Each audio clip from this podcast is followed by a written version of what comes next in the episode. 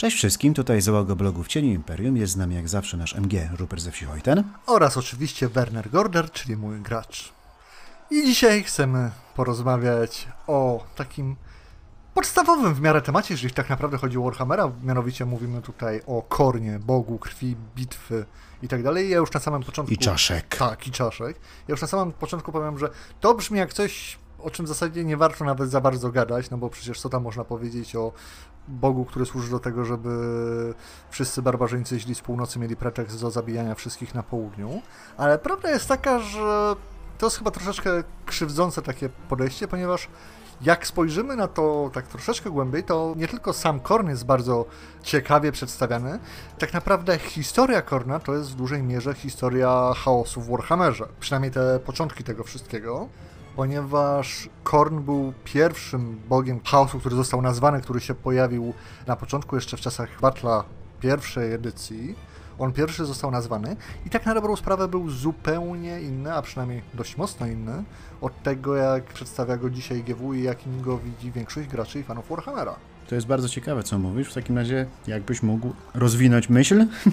Ale rzeczywiście, więc zacznijmy od tego, że wtedy, kiedy Korn został nazwany, nie został on przedstawiony tylko jako Bóg wojny, krwi, czaszek, tam nienawiści. To były jego różne aspekty, fakt faktem, ale został właśnie przedstawiony jako troszeczkę taka bardziej kompleksowa osobistość, mówiąc, został pierwszym nazwanym bogiem chaosu, pierwszym, który został e, wprowadzony do uniwersum, żeby stać naprzeciw sił porządku, bo to są jeszcze te czasy, gdzie mieliśmy... To były czasy Dueling Circles of Korn? To były czasy jeszcze. Tak, tak, tak, dokładnie. Te, tego... I Horvegas, to miasto takie przeklęte na północ. Tak, okay. i, mhm. i jeszcze, mhm. jeszcze wcześniej, bo to o czym mówisz, to też jest ten e, z Liber Chaotica, jeśli dobrze kojarzę. To znaczy Dueling Circles of Korn to był dodatek, jeśli dobrze pamiętam, jeszcze w drugiej edycji wiesz o co chodzi. Ten taki książeczkowe, rozwijające tak. lora w samych początkach Warhammera. Tak, no to ja jestem właśnie jeszcze na tym troszeczkę wcześniejszym, bo to jest 83 rok. 83 rok, dokładnie to. Było to wydane w ramach takiego dodatku, nazywał się Chaos Marauders Box Set. I tam po raz pierwszy poznajemy Korna on wtedy jest taką złożoną postacią, ponieważ ma różne swoje aspekty. Generalnie jest przedstawiony jako główny Bóg, którego nie tyle się czci, ale czci się niejako jego elementy, albo nawet orszak, ponieważ jest ileś półbożątek czy czegoś takiego, co tak naprawdę towarzyszy Kornowi i to bardziej one są czczone w poszczególnych aspektach niż Korn e, jako sam. Więc pomijając to, że tam mamy oczywiście takie typowe aspekty związane z zabijaniem i walką, mamy tam aspekty, które później tak naprawdę jakby się powiększą i staną się kolejnymi bogami chaosu, tak jak Nargul czy Slanesh, bo te początki tego właśnie widzimy na początku w samym Kornie. No ale z takich ciekawostek, których naprawdę można byłoby się nie spodziewać, to mamy na przykład praworządny aspekt Korna, co może być dziwne, bo jak pamiętamy na samym początku w Warhammerze to właśnie były te przeciwieństwa troszeczkę tak jak w D&D, że był chaos z jednej strony, praworządność z drugiej, no i tam pośrodku neutralność, to, to się -hmm. na tej linii rozgrywało, bo bądźmy szczerzy, było ukradzione z D&D po prostu. I Korny jako Bóg Chaosu właśnie miał swój praworządny aspekt i nawet jest wzmianka o tym, że ten praworządny aspekt to jest właśnie ten, który ma się zajmować tą organizacją i przygotowaniem, jest tak najbardziej takim sensownym aspektem całego tego bóstwa. I że właśnie bogowie chaosu są na tyle obszerni, dziwni i niezmierzeni, że nawet w sobie mogą zawierać praworządność, mimo tego, że mają uosabiać chaos, który ma być przeciwieństwem tej praworządności. Więc o tym jest fragment. No ostatecznie to się nie ostało, prawda? Ostatecznie to się nie ostało. Ostał się za to aspekt honoru u Korna i tego, że wiesz, może jest tym chaosem i tą złością i tym gniewem i tak dalej, tym pierwotnym, natomiast jednocześnie jest też honorem, a i uczciwą walką, bądź co bądź. Ja do honoru za chwilkę dojdę i w ogóle w związku z tym, to jest jeszcze jeden ciekawy aspekt, o którym trzeba wspomnieć i ciężko uwierzyć, że mm. coś takiego było, ale mieliśmy aspekt Horna, który się nazywał Alaman, i on był przedstawiany jako tylko i wyłącznie odgłos lecącej strzały albo pisk atakującego jastrzębia gdzieś tam z boku i był to aspekt odpowiedzialny za nagłą, niespodziewaną śmierć. Więc tak, Korn miał kiedyś jakby część swojego aspektu, który był odpowiedzialny de facto za śmierć od walki strzeleckiej. Tak, z ciekawostek to też jest coś, co nie przetrwało do dzisiejszych czasów. I właśnie tak a propos tego honoru, o którym tutaj wspomniałeś, Mhm. parę razy my już o tym wspominaliśmy, jak rozmawialiśmy generalnie o bóstwach, czy to chaosu, czy ogólnie. Gdzieś nam się to przewinęło, też ludzie nam pisali potem w komentarzach. Mówiąc honor, mamy o, oczywiście na myśli to, że Korn po prostu brzydzi się kłamstwem, de facto, w sensie tam on I podstępem. tak, to, to, to nie jest dla niego, on jest jak najbardziej na tej zasadzie, że naprzeciw siebie na ubitej ziemi, jeden na jednego, to jest według niego uczciwa walka i to jest perfekcyjna ta walka i właśnie jego wyznawcy mogą, znaczy mogą, na pewno może się zdarzyć coś takiego, że jeżeli stanęłaby wasza postać naprzeciw berserkerów Korna, nawet bez broni jakby krzyknęła, że wyzywa jakiegoś na pojedynek, to są spore szanse, że jakąś broń by dostała oczywiście typu topór, żeby walczyć i umierać w uczciwej walce, tak? W przeciwieństwie do wszystkich innych bogów, nie tylko chaosu, którzy nie mieliby dużego problemu na przykład właśnie, wiesz, mordować po prostu niewinnych czy bezbronnych. Zresztą w swoich początkach Korn był taki, o którym pisano, że właśnie mordowanie niewinnych wiosek i tak dalej to nie było coś, co wyznawcy Korna robili, bo Bo to nie jest challenge. bo to nie było właśnie nic ciekawego dla Korna. Później to wyewoluowało do tego, że ważne jest, że krew żeby płynęła i nieważne skąd, bo to mam takie jedno z tych ważniejszych powiedzonek, prawda, a propos Korna. Swoją drogą jest ciekawe to, że Korn jest uznawany za takiego boga wojny chaosu, prawda? Mhm. Z tą wojną, zniszczeniem i tak dalej, i tak dalej. Natomiast w swojej istocie wojna no, nie polega na zniszczeniu, tylko na fortelu, w związku z czym, przynajmniej w naszym ludzkim rozumieniu tego wszystkiego, w związku z czym Korn byłby bardzo, bardzo słabym bogiem wojny i właśnie myślenia strategicznego, no tam nie ma za bardzo. Tam Tak, jest, biegniemy do przodu i walczymy pierś w pierś, topór w topór, aż któryś z nas wygra, niech wygra lepszy. Zgadzam się z tobą. Ja tutaj postawię taką śmiałą tezę, że na dobrą sprawę Korn wcale nie jest bogiem wojny Mhm. i to wszystko, co czytamy i tak dalej, to są kłamstwa. I to są kłamstwa wynikające z troszeczkę większych kłamstw, które przyszły przed nimi. Mianowicie chodzi mi tu o całą kwestię antropomorficznego przedstawiania bogów w Warhammerze i zwłaszcza bogów chaosu. W sensie ja uważam, No. że to jest coś, co jest robione zarówno przez GW i autorów GW, jak i przez ludzi w uniwersum Warhammera, czy tam uczonych, czy to wyznawców, czy zgoła przeciwnie inkwizytorów. W dużej mierze dlatego, że to lepiej się sprzedaje i łatwiej to przedstawić, niemniej jednak moim zdaniem, i wydaje mi się, że o tym kiedyś wspominałem, takie traktowanie bogów jako spersonifikowanych antropomorficznych postaci, które mają różne swoje cechy, w kontekście bogów Warhammera i zwłaszcza bogów chaosu jest zupełnie bez sensu i nie działa. I to z wielu powodów. Więc tak rozwijając wątek dalej, jak wiemy, Warhammer ma dużą spuściznę też, i to zwłaszcza jeżeli chodzi o bogów i o chaos, od Lovecrafta, prawda? Gdzie ci wszyscy wielcy przedwieczni, starzy bogowie i tak dalej. To nie do końca były istoty, które tak naprawdę można nazwać, dać im jakąś osobowość czy coś takiego. Mimo, że Wielki Król jest tam przedstawiony jako ten, który śpi i czuwa, inaczej jest przedstawiany Azatot czy Neralototep, to to wszystko nie do końca są istoty w takim ludzkim rozumieniu, ponieważ ich ogrom w każdym możliwym Mhm. wymiarze, gdzie w większości tych wymiarów nie jesteśmy w stanie za bardzo pojąć, jest zbyt wielki, żeby to nazywać po prostu istotą w jakichkolwiek takich sensownych granicach, prawda? To jest tak, jak się rozmawiamy na przykład o astronomii, tam o odległościach astronomicznych, gdzie coś ma, nie wiem, 80 miliardów lat świetlnych, to nie ma żadnego przełożenia na ludzkie podejście i tak dalej, bo to jest tak ogromne, że aż absurdalne. To oczywiście z takimi bóstwami jest jeszcze gorzej, bo dochodzą do tego kwestie wymiarowe.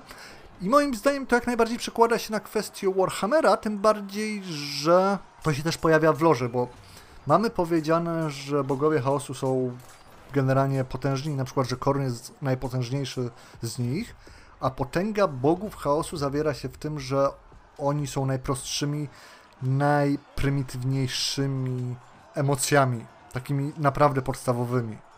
Tam nie ma tej złożoności ja wiem, że dużo łatwiej, bardziej przekonywujące jest myśleć o bogach Warhammera, jak e, o bogach na przykład jakieś znamy z mitologii greckiej czy nordyckiej, gdzie tam Zeus może sobie biegać za takimi czy innymi pannami, Odyn jest skłonny poświęcić swoje oko, żeby zdobyć wiedzę i tak dalej. I oni mają swoje takie i takie przywary, ale poprzez to każdy z nich jest bogiem wielu różnych rzeczy.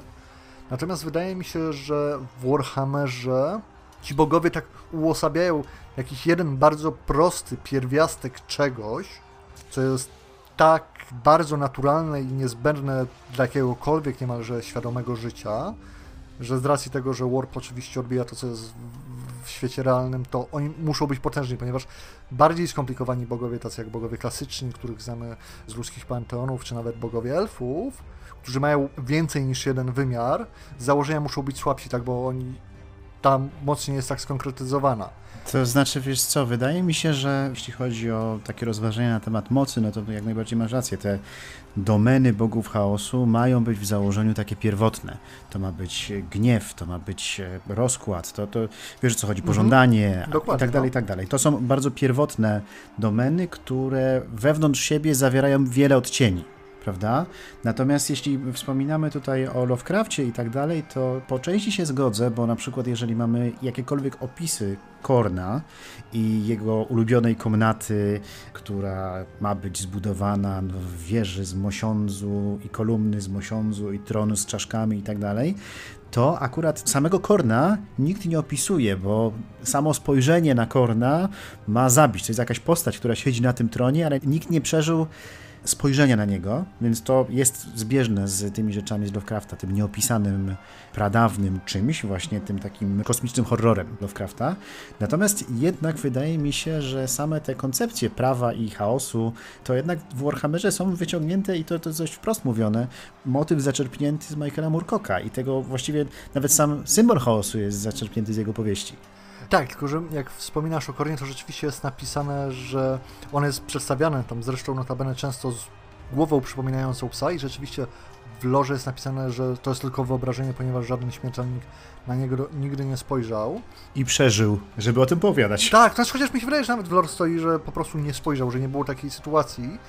I wiesz, ja to widzę w ten sposób, że mamy gdzieś tam w warpie, w wymiarze chaosu, uosobienie jednej emocji, bo dla mnie Korn jest uosobieniem tej agresji tak naprawdę de facto czystej, skonkretyzowanej agresji, powiedzmy z nienawiścią ewentualnie, ale to jest naprawdę taka bardzo jednowymiarowa emocja, która jest niejako niezbędna do tego, żeby wiesz, większość organizmów była w stanie przeżyć, na przykład coś zabić. Mhm. Jeśli jest potrzeba, tylko że u Korna zawsze jest potrzeba. Dokładnie, ale chodzi mi o to, że wiesz, wszystkie te opisy o tych zamkach, właśnie tronach z czaszkami, o tym jak na przykład w Liber Chaotica mamy tam tą bitwę przedstawioną, gdzie jest osiem wzgórz z jakiegoś powodu, to z jakiegoś powodu, bo to jest potem bo jest 8 filarów, to jest jego ulubiona liczba. Tak, mimo że właśnie wcześniej siódemka się pojawia dość często. Jeszcze za czasów jedynki, kiedy chyba nikt o tym nie myślał, żeby każdemu przypisywać ulubione liczby, bóstwo i chaosu. Mhm. No, niemniej jednak mówię, mi się wydaje, że to wiesz, wszystko jest tak naprawdę, to są w świecie wyobrażenia ludzi, czy innych historii, czy to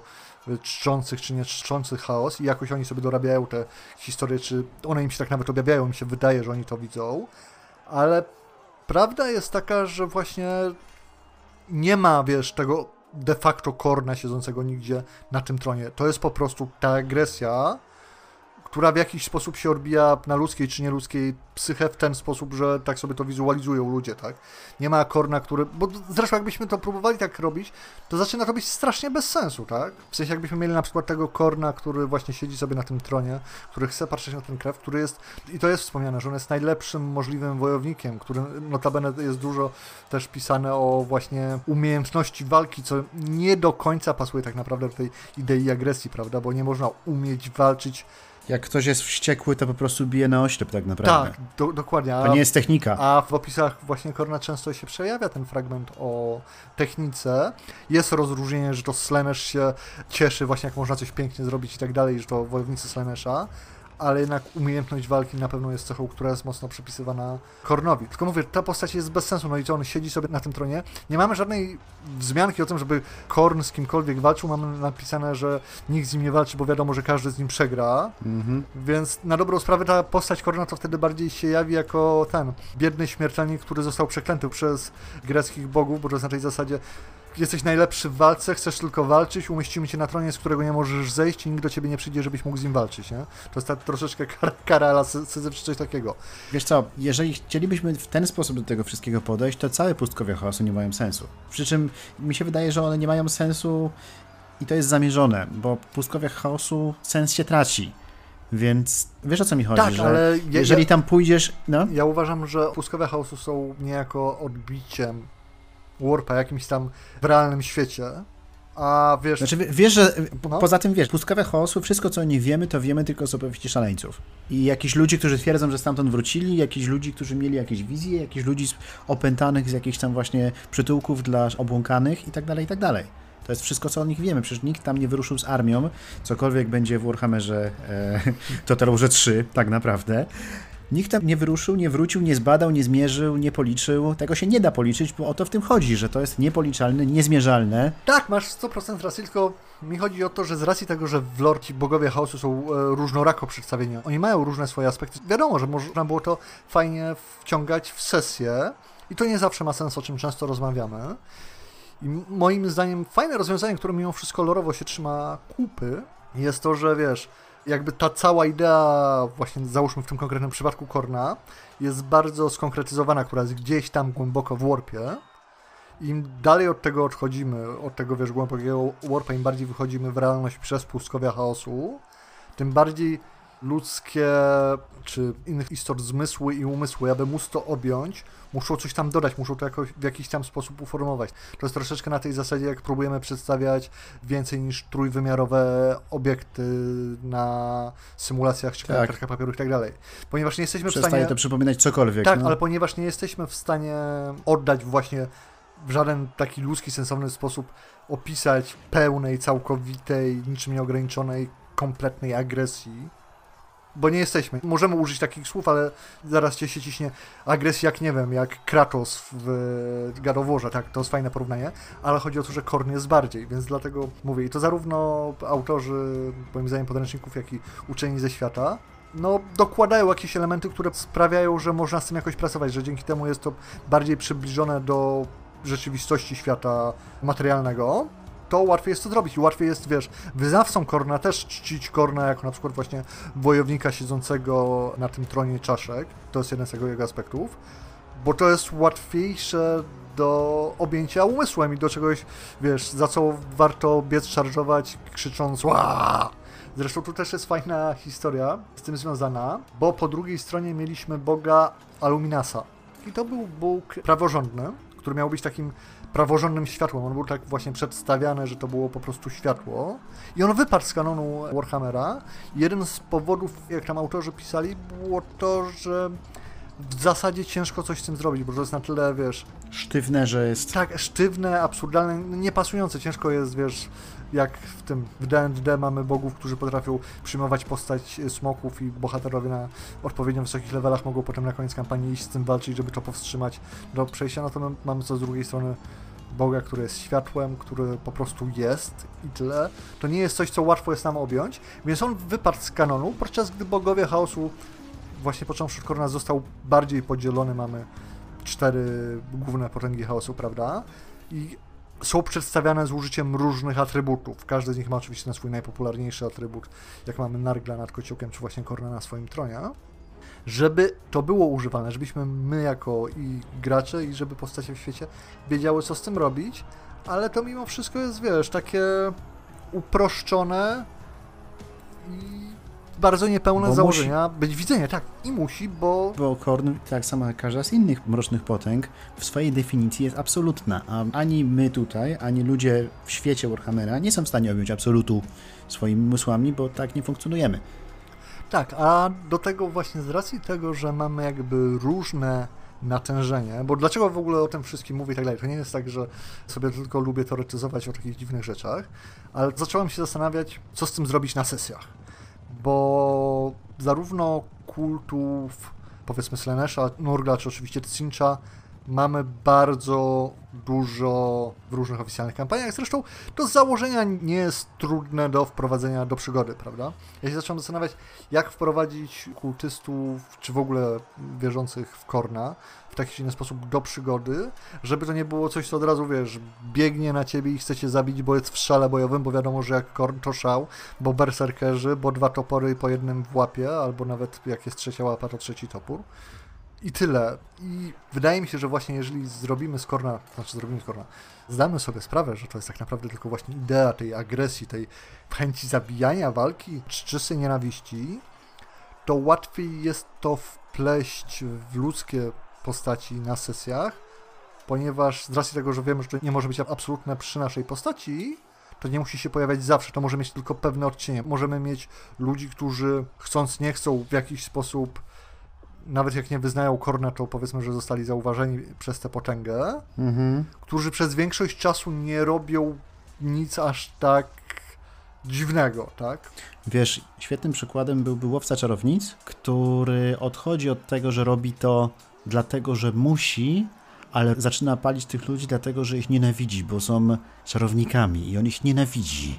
I ta nienawiść go przeżera coraz bardziej z każdą spaloną czarownicą prawda? E, no i jest jakaś opcja, chociaż ja bym tutaj dodał, że właśnie jak mówię o Kornie i o nienawiści, no w sumie tego nie powiedziałem, a chodzi mi o to, że dla mnie Korn jest też takim w czystej postaci Korn może istnieć dosłownie przez sekundę, w sensie wiesz, to jest ta nienawiść w momencie, kiedy chcesz, po prostu musisz coś zniszczyć, zabić, wszaleć coś takiego, gdzie wszystkie logiczne i konkretne i sensowne myśli i planowania po prostu już nie istnieją. To jest ta sekunda, gdzie po prostu adrenalina buzuje pod sam sufit ale jeszcze właśnie podpięta tą nienawiścią, więc ja bym tutaj dodał od siebie to. Jeżeli chodzi o przedstawianie takie na sesjach, w jednej z przygód do czwartej edycji, Serce ze szkła, nie chcę tutaj za dużo spoilować, ale fajny jest pomysł taki, żeby przedstawić to po prostu, co też jest oczywiste, jako kult siły. Tam mamy w kontekście takiego właśnie braterstwa i odwoływania się do takich tradycji jeszcze pierwotnych, gdzie właśnie ta, wiesz, zapasy i tego typu wspólne spędzanie czasu jest niejako e, czymś, co jest przybudówką do tego, żeby właśnie potem wpadać w ten szał, tak, i dać pełen obraz tego, co robią wyznawcy Korna, bo właśnie kult siły też siłą rzeczy będzie zmierzał do, za dużo tej siły w jednym zdaniu, zmierzał do tego, do czego e, Korn by chciał, tak? No jak najbardziej, natomiast mi się wydaje, że z Kornem jest jeszcze jeden problem na sesjach, mhm. zwłaszcza te, które gracie, że taki prawdziwy, prawdziwy wyznawca Korna to zawsze będzie sam. I nie chodzi tylko o samych wojowników chaosu, którzy właśnie muszą podjąć wyzwanie i nawet jeśli przez jakiś czas e, podróżują razem, to na końcu i tak zaczną walczyć między sobą, żeby zobaczyć, który z nich jest silniejszy, a przecież ta walka nie może być tak po prostu, tylko musi być do krwi, gdyż ta krew musi płynąć. Więc tak, masz taką sytuację, w której no, ktoś, kto jest tym wyznawcą Korna, jest sam siebie alienuje od wszystkich. I dobrym przykładem na to są kapłani Korna, którzy wbrew pozorom istnieją i podróżują między tymi monolitami i tymi górami czaszek w różnych miejscach Starego Świata, ale oni zawsze podróżują sami.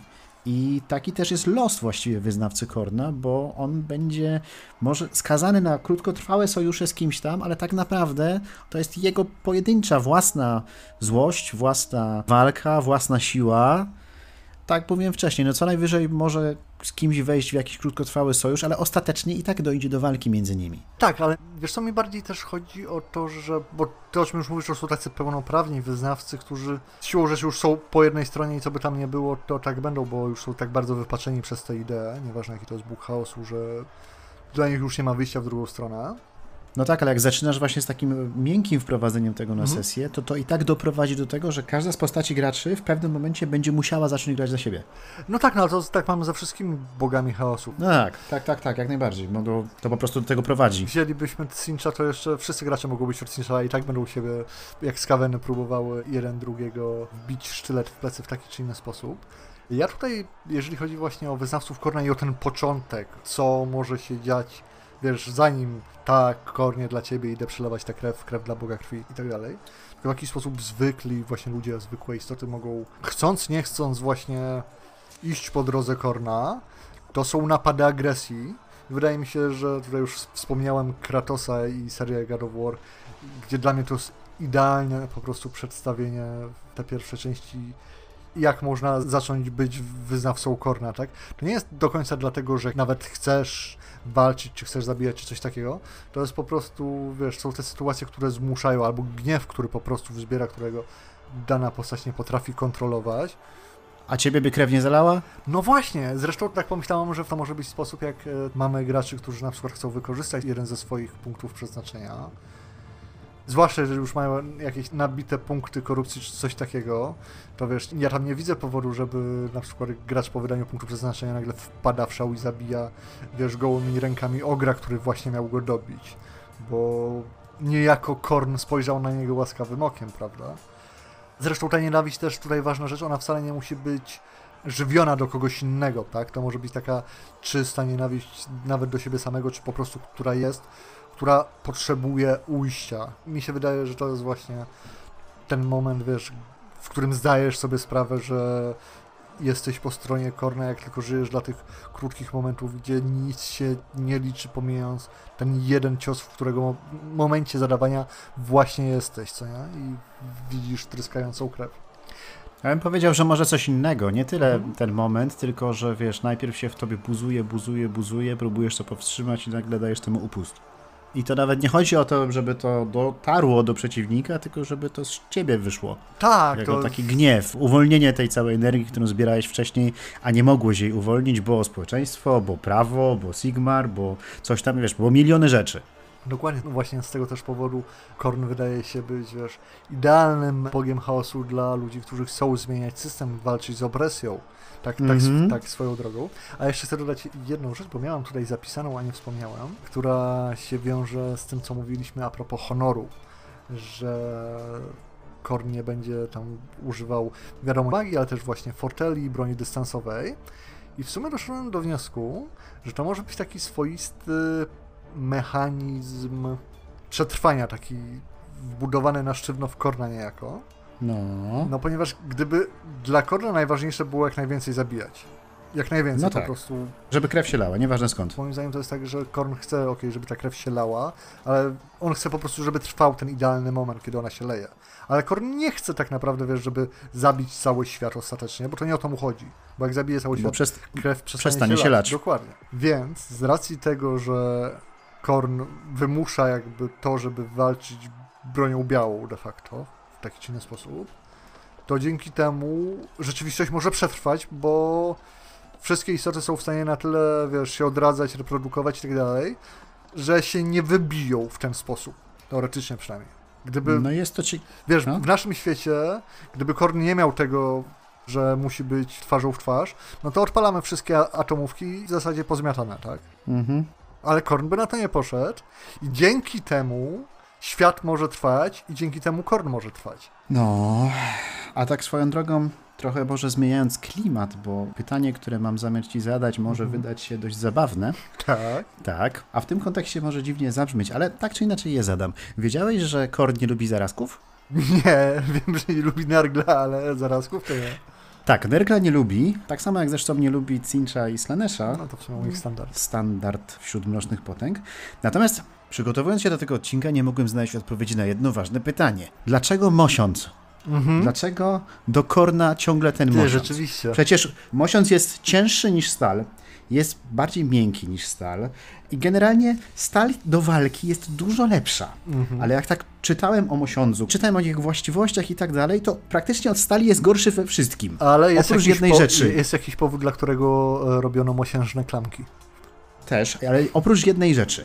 Mianowicie tego, że mosiąc, jak i inne stopy miedzi mają właściwości antyseptyczne. Więc myślę sobie, hmm, w momencie, kiedy jeden z twoich głównych wrogów jest Nurgl, który zajmuje się właśnie pichceniem wszelkich możliwych choróbsk, to może nie jest to takie głupie. No, powiem ci szczerze, że to, to, to Wiesz, to jeżeli dobre. on okrywa swoich wojowników w zbroję z mosiądzu, no to Coś w tym jest. Chociaż tutaj trzeba zaznaczyć, że jednak Lord twierdzi, iż to Slenish jest tam głównym niejako przeciwieństwem Korna. No dobrze, ale wiesz... Ale, to, ale tak to... oni się wszyscy leją porówno mimo... Tak, między sobą. Tak, no bo czemu nie. Zresztą sami wyznawcy Korna oczywiście jeszcze we własnym gronie również ze sobą walczą. I o dziwo to jest coś, coś na samym początku się zaczęło. Mamy przedstawionego jednego z kapłanów Korna, który się nazywa La Arial, czyli brzmi to troszeczkę bardziej jak elf, ale jest jednym z kapłanów Korna i tam jest opisywane, że właśnie wyznawcy Korna bardzo często wolą walczyć naprzeciw siebie samych, ponieważ wiedzą, że tylko inni wyznawcy Korna są im w stanie dać wart pojedynek, tak? Wystarczająco dobrze walczyć, żeby ta walka była coś warta, a nie żeby to była po prostu rzeź.